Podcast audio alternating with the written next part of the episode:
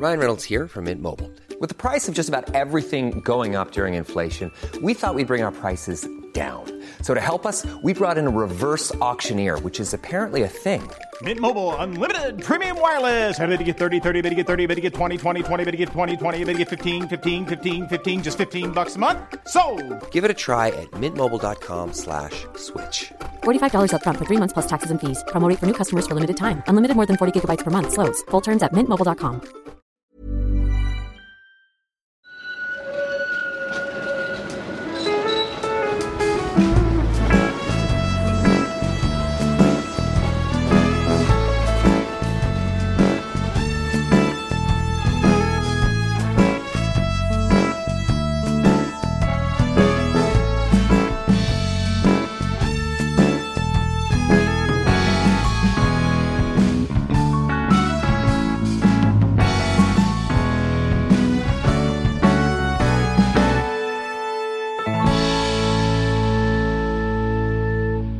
Hej och välkomna till Gator och torg i Göteborg.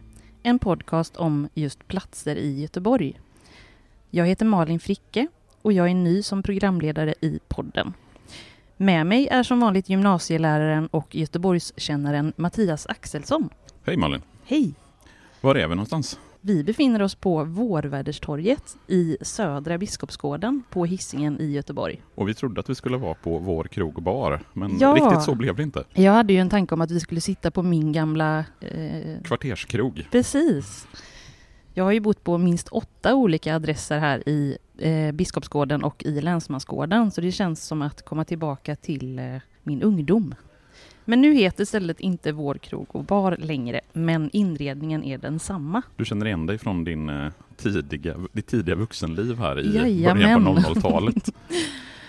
Ja, vi befinner oss på Vårväderstorget och de adresser som jag har bott på i närområdet, åtta olika ungefär, eh, är ju olika vädernamn på dessa gator.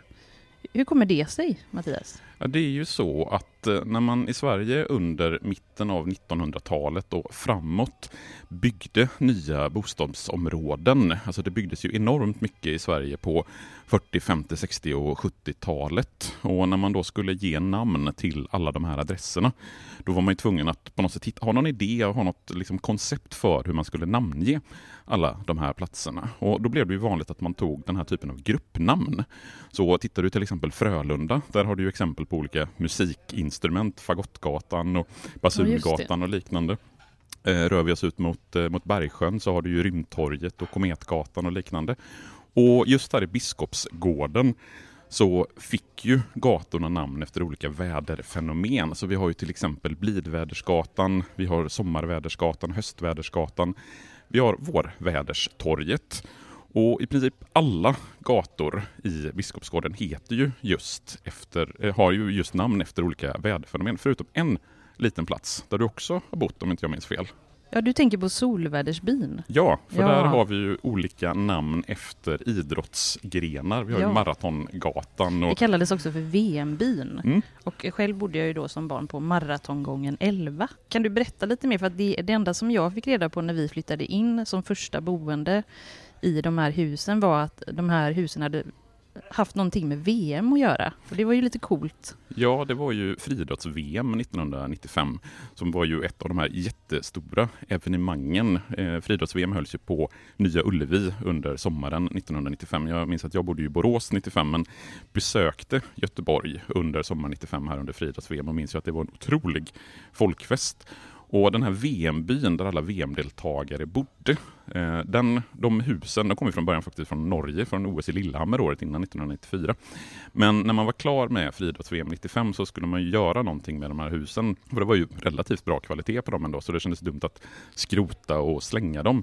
Så istället så bestämde man att man flyttar dem hit ut till Hisingen, till Biskopsgården och så gör man ett bostadsområde.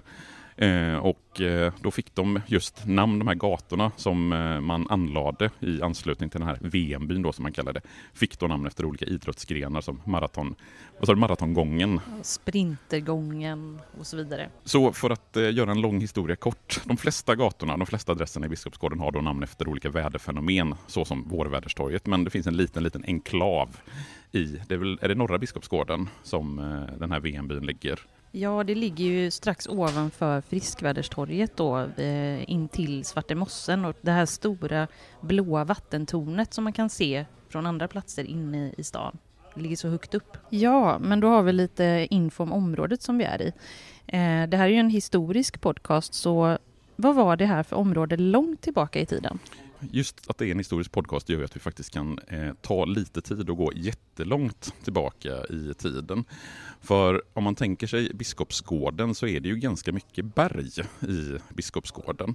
Och går man långt tillbaka i tiden, alltså innan det egentligen fanns några människor i den här delen av norra Europa, så var ju det som idag är Biskopsgården, det var ju egentligen en skärgård. Alltså Hissingen var ju inte en ö eftersom vattennivåerna, när inlandsisen drar sig tillbaka så var havsnivåerna betydligt mycket högre än vad de är idag.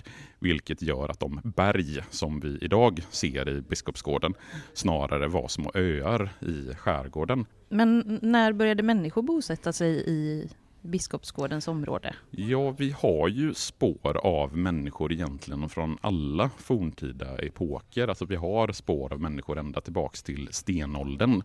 Och vi har också spår från bronsåldern och järnåldern. Och går man runt i nuvarande Biskopsgårdens område så kan man hitta ganska många exempel på fornlämningar. Till exempel så finns det en bronsåldersgrav vid Stora Vätte en fornborg från folkvandringstiden och då är vi ungefär 500 år efter Kristus som ligger strax väster om Svarte mosse.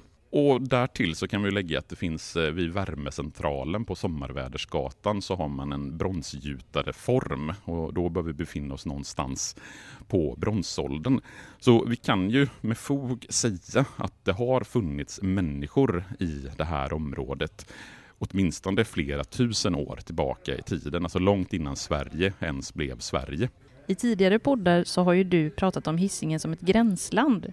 Hur såg det egentligen ut eh, då i det som idag är Biskopsgården? Ja, man kan ju säga att det som idag är Biskopsgården, framförallt norra Biskopsgården, det var ju liksom de nordligaste delarna i det som då hette Lundby socken. För från mitten av 1200-talet någonstans, alltså när vi kommit en bra bit in på medeltiden i svensk historia, för då blev de två socknar som heter Lundby och Tuve socken svenska.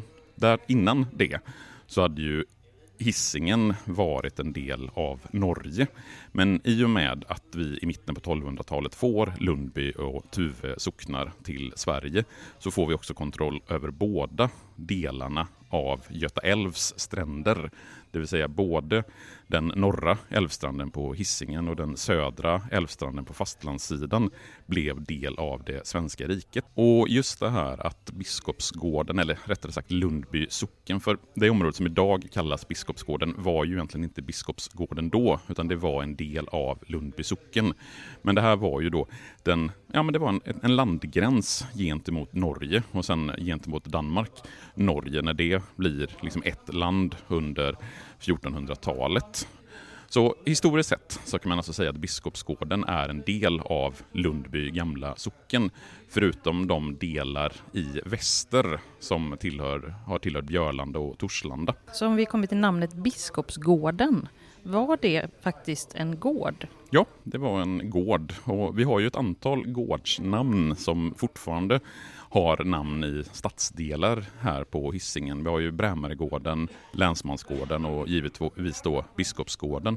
Och namnet Biskopsgården det finns belagt från tidigt 1600-tal och man tror att namnet kommer av att gården var residens för biskopen när han kom på besök. För den här gården tillhörde då Östra Hisingens härad och var en del av det stiftet där som Östra Hisingens härad tillhörde. Men många av de gårdar som fanns i Lundby socken här under 1600-talet brändes ner när danskarna kom under det skånska kriget 1678. Då bränns bland annat Biskopsgården ner.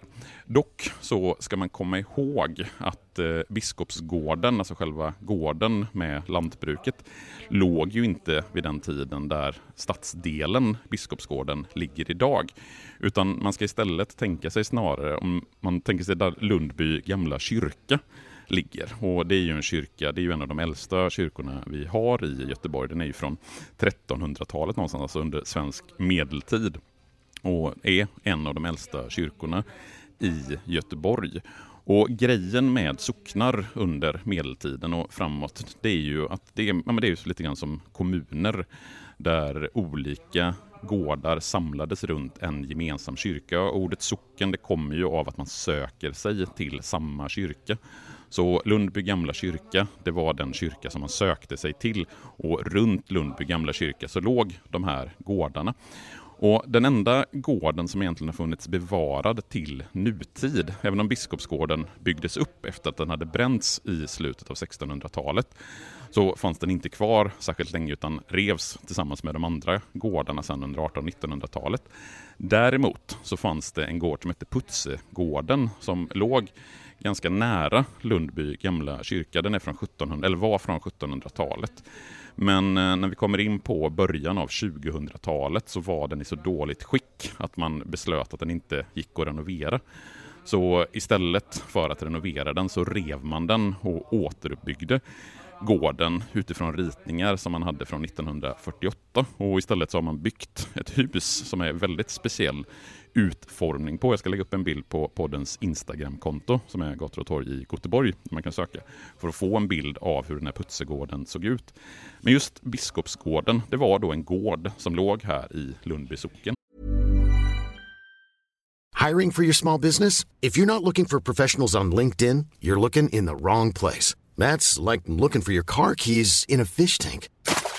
LinkedIn helps you hire professionals you can't find anywhere else, even those who aren't actively searching for a new job but might be open to the perfect role. In a given month, over 70% of LinkedIn users don't even visit other leading job sites. So start looking in the right place. With LinkedIn, you can hire professionals like a professional. Post your free job on linkedin.com slash people today. Millions of people have lost weight with personalized plans from Noom. Like Evan, who can't stand salads and still lost 50 pounds. Salads, generally, for most people, are the easy button, right? For me, that wasn't an option. I never really was a salad guy. That's just not who I am. But Noom worked for me. Get your personalized plan today at Noom.com. Real Noom user compensated to provide their story. In four weeks, the typical Noom user can expect to lose one to two pounds per week. Individual results may vary. Men vad hände egentligen med de här gårdarna under 1800-talet? Ja, när vi jobbar oss framåt i historien och kommer in på 1800-talet så kommer vi också till en av de mest omfattande och en av de mest betydelsefulla reformerna egentligen i svensk historia.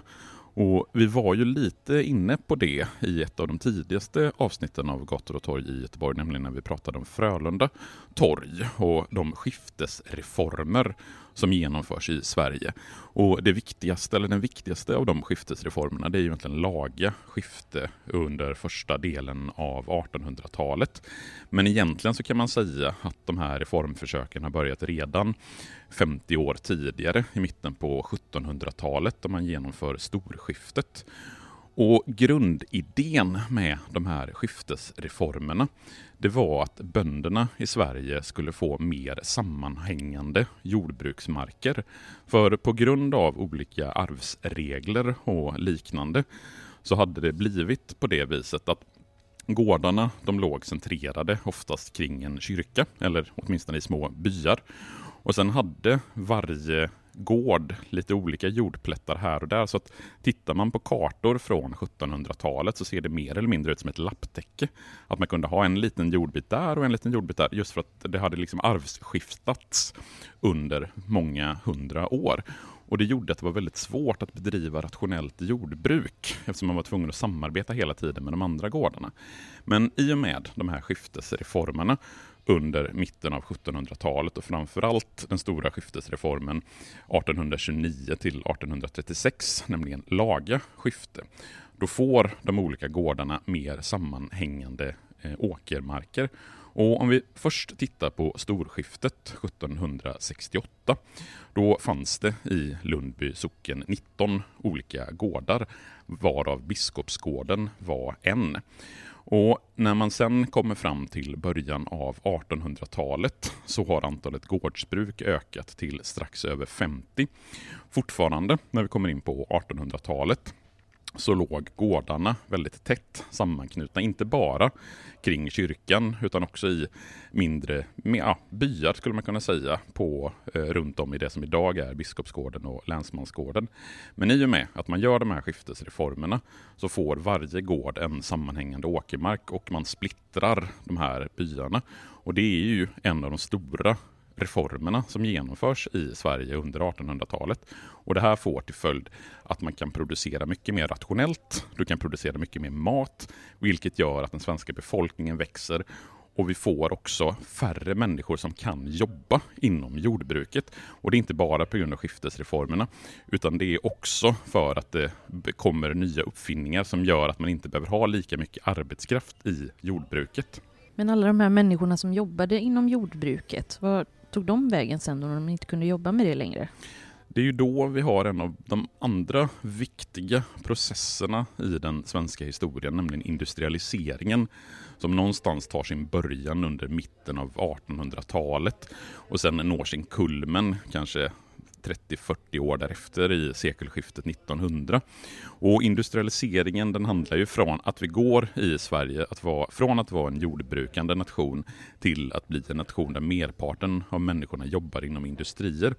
Och just i industrialiseringen så blir hissingen en, ett oerhört viktigt nav. För redan när vi kommer in i mitten av 1800-talet, alltså bara några decennier efter de här lagaskiftesreformerna, så byggs de första varvsområdena. Götavarken etableras vid Lundby strand och de stora varven som byggs på norra älvstranden blir också det som lite grann lägger grunden till hissingen som en arbetarstadsdel. För 1906 då inkorporeras Lundby med Göteborgs kommun. Fram till 1906 så hade Lundby varit ett egen, en egen kommun. Men 1906 så bestämmer Industristad på andra sidan älven som blir en konkurrent till Göteborg. Då är det mycket bättre att Göteborg och Lundby liksom blir del av samma. Och strax därefter på 1920-talet så kommer också Volvo att starta sin verksamhet på Hissingen. Då är vi inte i Lundby socken längre, men vi är ändå trots allt på Hissingen. Men all den här industrin då måste ju ha krävt en massa bostäder? Ja, det här att det växer fram massa industrier på Hisingen, det är ju inte det enda som gör att vi kan kalla Hisingen för liksom en arbetarstadsdel eller för en arbetarö. Utan det är också att man under 30, 40 och 50-talet bygger massa bostäder. För just det här att råda bot på bostadsbristen i Trångsverige, det var ju liksom en av de stora uppgifterna för politikerna i mitten av 1900-talet. Och den översiktsplan, eller generalplan för Lundby, som det hette på den tiden, från 1937, det är en av de första moderna generalplansutredningarna i Sverige. Och då gjorde man helt enkelt en översiktsplan för området Lundby. Alltså vad ska det byggas för typ av verksamheter, bostäder, industri. Vad ska varje del av Lundby användas till? Och i den här tidiga generalplanen från 1937 så finns det ganska mycket utrymme för dels för varven och dels för hamnen. Inte bara där de fanns då, utan det fanns också möjlighet för varven och hamnarna att expandera.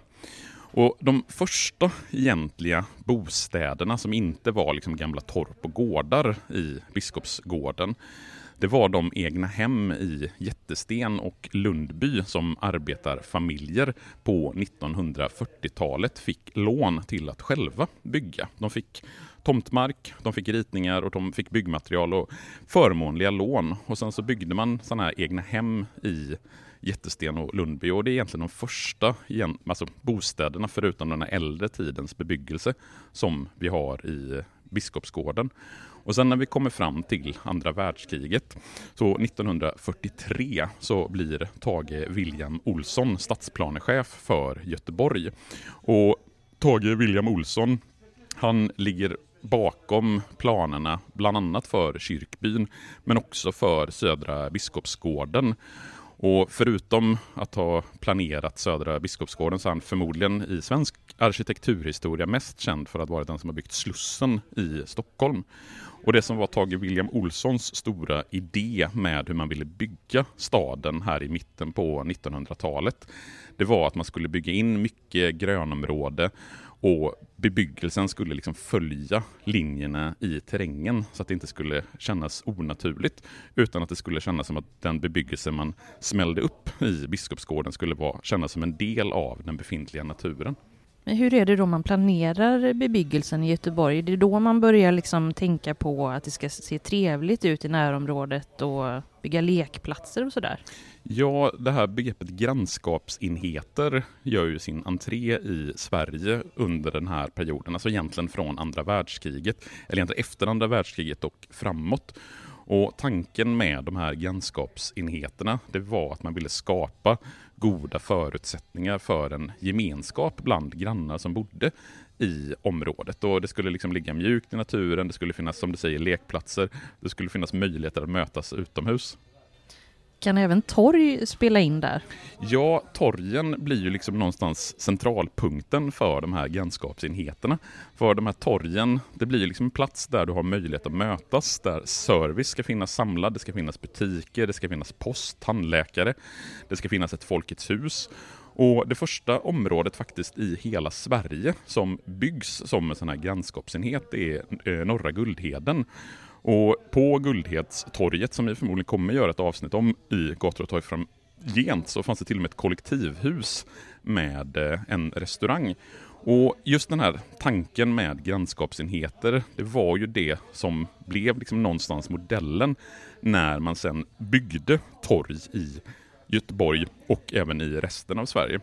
Och i vissa stadsdelar, om vi tar till exempel i Björkeskär, så blir det ju snarare så att man bygger små torg som ligger ganska nära varandra längs en gata. Medan i områden som till exempel Biskopsgården eller Kortedala så blir det ett centraltorg där det finns mycket verksamhet. Alltså det är en ganska stor skillnad mellan de små torgen i Björkeskär och Vårväderstorget eller Kortedala torg, eller för den delen Axel Dahlströms torg som vi har gjort ett avsnitt om här i podden. Men om man tänker så som Biskopsgården ser ut idag, när börjar det växa fram? Ja, då är vi ju någonstans på 1950-talets mitt. För fram till 1950-talets mitt så var det som idag är Biskopsgården i princip ren landsbygd. Det fanns några 1800-talstorp, det fanns några mindre småhusgrupper från 20, 20 30 och 40-talet, alltså de här egna hemmen som växer fram. Men i mitten av 1950-talet, alltså när de svenska rekordåren någonstans drar igång, så börjar man den storskaliga utbyggnaden av Biskopsgården. Och det är egentligen andra halvan av 50-talet och några år in på 1960-talet som man bygger hela den här jättestadsdelen som vi idag benämner som Biskopsgården. Men byggde man då hela Biskopsgården på en gång? Nej, man byggde ju Biskopsgården lite i etapper. Den första etappen, det är 55 till 56. Och sen så bygger man en omgång 56 till 58. Och just det här året 1958 är lite speciellt. För det året, alltså när man är klar med den andra etappen av Biskopsgården, och då är det södra Biskopsgården, då har man en stor bostadsutställning som heter Boplats 58 här i södra Biskopsgården. Och det berättas om att det var över 50 000 personer som besökte den här utställningen. Och det man visade upp på Boplats 58, det var ljusa, rymliga bostäder och Biskopsgården här i slutet på 1950-talet hade ju väldigt bra rykte. Det var fina, ljusa, fräscha lägenheter som hade byggts och människor från landshövdingehus i, på Lindholmen och i Brämaregården flyttade till Biskopsgården. Också kommunalråd, författare, professorer flyttade ut dit till Biskopsgården. Och när vi kommer in här på 1950-talet så räknar man med att över 15 000 göteborgare stod i bostadskö. Och en nybyggd fyrarummare i Biskopsgården kunde då kosta 255 kronor i månaden. Lite svårt att avgöra hur mycket det var eh, om man inte medveten om andra priser på 1950-talet. Men det var ett ganska attraktivt område här i slutet på 1950-talet. Ja, ljust och fräscht och, och attraktivt är inte riktigt så som mm, ryktet går om Biskopsgården idag. Men eh, är det också i den här perioden som torget byggs, alltså Vårväderstorget? Ja, Vårväderstorget det står färdigt 1958 och det är arkitekten Helge Simdal som är mannen bakom torgets utformning. Och Helge Simdal har vi berört tidigare i podden, tror det var i förra avsnittet till och med, när vi pratade om Kungsportsavenyn. För han har ju bland annat också ritat Kungsportsavenyn 34 som är en av de här typiska 60-talsbyggnaderna på Kungsportsavenyn.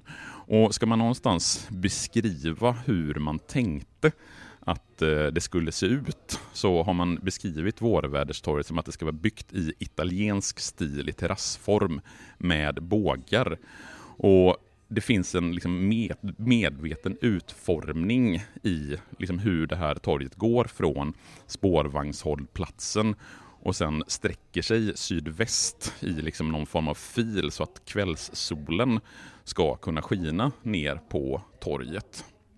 Och tanken med det här torget var ju precis som andra den här typen av förortstorg som man bygger på 50, 60 och sen in på 70-talet. Det var att det skulle vara en mötesplats för människor. Det skulle finnas samhällsservice och liknande. Det som dock är lite intressant, det är att när torget byggs och när det invigs i slutet på 50-talet så finns det inte någon matservering. Dock så ska det ganska tidigt i torgets historia, tyvärr inte hittat exakt något belägg för när Systembolaget kommer, men det ska ha funnits ganska tidigt ett systembolag på Vårväderstorget. Kan du minnas något att det fanns ett systembolag när du bodde i Biskopsgården? Jag har ett starkt minne av att det fanns ett systembolag när jag var liten, ett sådant gammalt där man kunde köpa över disk.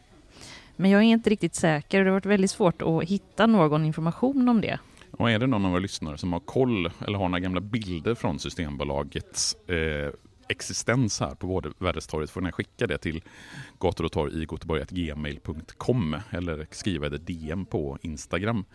Men torget när det liksom invigs i slutet på 50-talet och när det sen liksom etableras som en plats under 1960-talet, det är just ett förortstorg där det ska finnas den här typen av samhällsservice.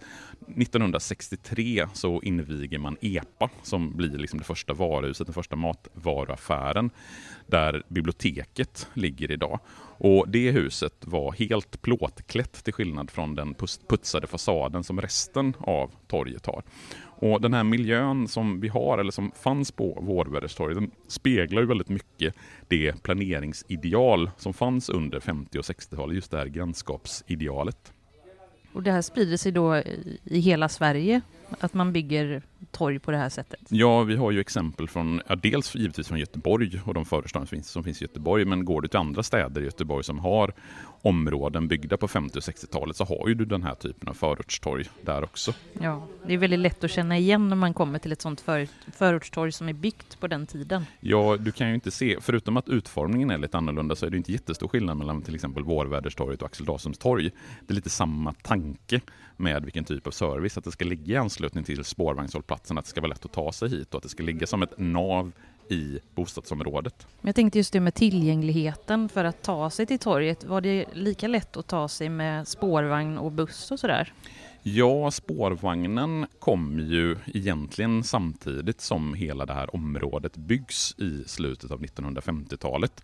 Alltså spårvägar på hissingen, det har vi ju haft sedan Göta älvbron byggdes. Jag tror att den första spårvagnssträckningen på hissingen invigs 1940. Och sen har vi en, och det här är en liten rolig utvikning, att eh, från 1955 och några år framåt så hade vi spårvagn från Eketrägatan ner till eke. Och om du är vid Eketrägatan så kan du se att det svänger, om du kommer från stan, så kan man se att det är ett spår som svänger ner till vänster när spårvagnen mot Länsman går åt höger så finns det ett spår som svänger ner till vänster. Och det är en liten rest av den gamla spårvagnslinjen som gick ner till Bräcke och som invigdes då 1955.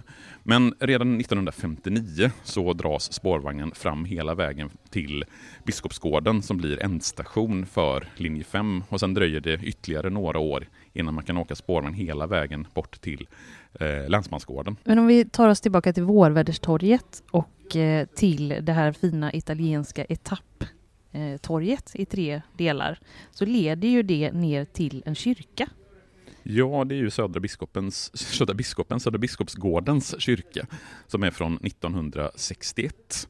Och jag gjorde en liten slagning i tidningsarkivet vad det skrevs om den här kyrkan när den invigdes. Och det fanns en del ganska roliga citat i tidningarna. Dels så beskrevs det som en väldigt omstridd kyrka. Att den hade järv exteriör där, och kyrkan står som ett utropstecken vid södra kortsidan av ett affärstorg. Att den hade en extrem utformning. Och den är ju ganska speciell i stilen. Att det är liksom spetsiga vinklar som kan ganska tydligt ställas i kontrast till de räta vinklar som vi har i alla bostadshus som ligger omkring torget. Så i sin arkitektoniska utformning så stack den ju verkligen ut när den invigdes på 1960-talets början. Och Johannes Olivegren som är den som har ritat kyrkan har även stått som arkitekt för ytterligare en handfull kyrkor här i Göteborg, bland annat Saronkyrkan i centrala Göteborg. Jag tror också Betlehemskyrkan är en av de kyrkor som Johannes Olivegren har ritat.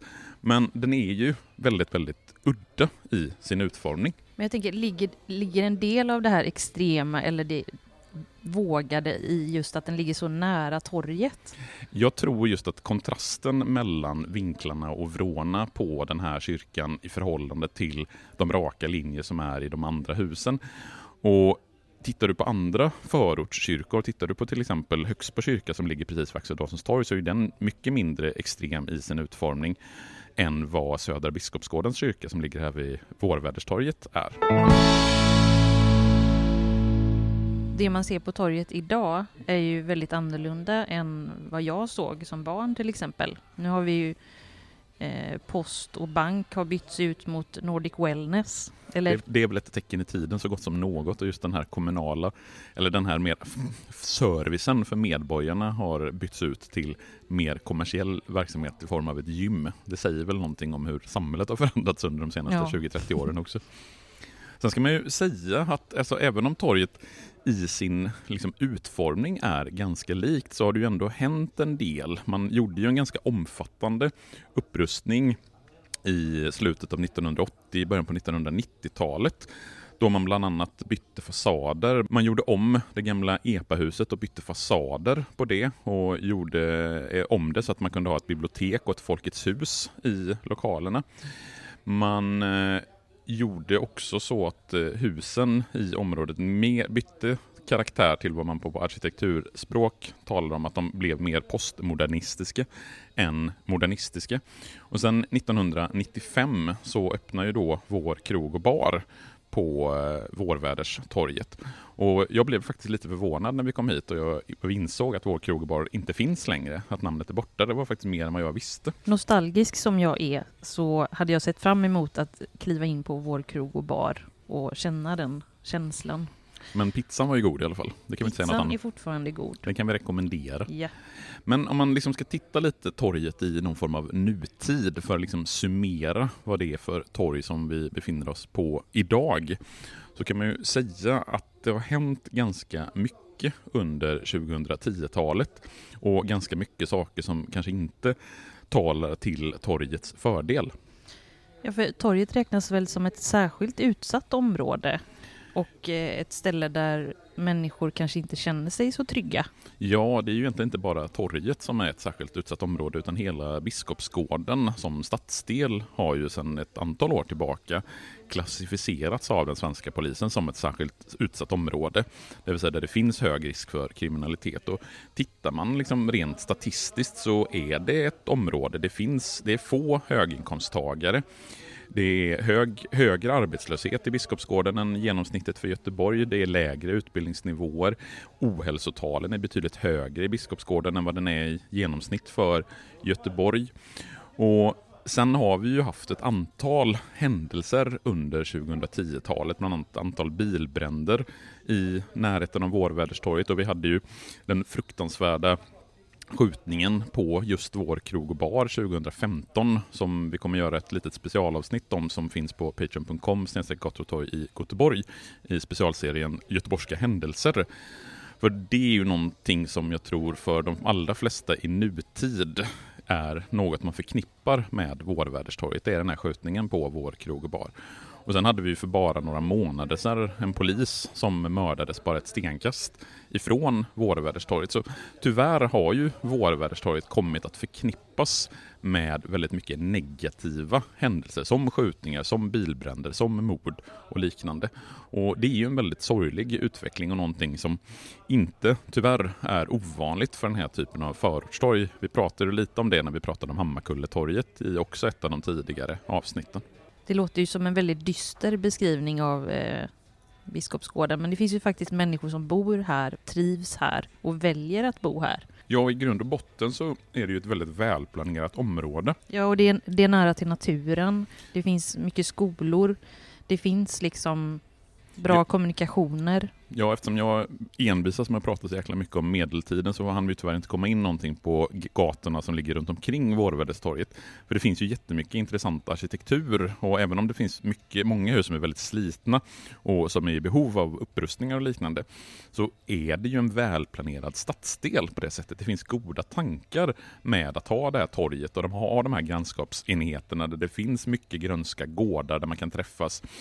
Sen tror jag inte att det är arkitekturen som har gjort, utan det är ju andra saker som har gjort att Biskopsgården har blivit ett område med mycket negativ klang. Det är ju liksom samhällsutvecklingen i stort som vi ska skylla för det, inte i nödvändighet med arkitekterna. Ja, men det var ju lite om Vårväderstorget då som vi hade att bjuda på den här gången. Och nu drar vi vidare mot nya torg. Ja, om två veckor så är vi någon helt annanstans och i väntan på det så får ni gärna gå in på poddens sociala medier. På Instagram heter vi Gator och torg i Göteborg. Och så finns ju också den här Patreon-sidan om du vill eh, ha avsnitten utan reklam och dessutom ha en del goda specialklipp. Så bli månadsgivare på patreon.com gator och torg i Göteborg. Hej då! Hej då!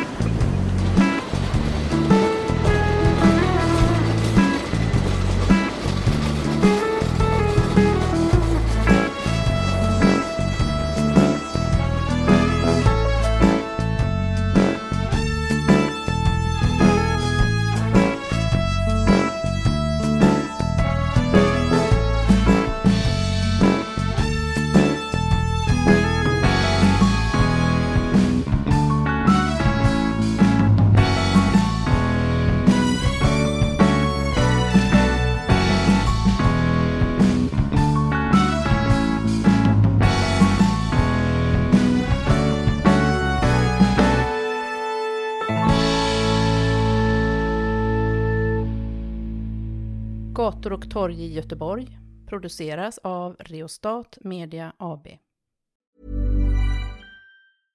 Flexibility is great. That's why there's yoga. Flexibility for your insurance coverage is great too. That's why there's United Healthcare Insurance Plans. Underwritten by Golden Rule Insurance Company, United Healthcare Insurance Plans offer flexible, budget friendly coverage for medical, vision, dental, and more. One of these plans may be right for you if you're, say, between jobs, coming off your parents' plan, turning a side hustle into a full hustle, or even missed open enrollment. Want more flexibility? Find out more about United Healthcare Insurance Plans at uh1.com.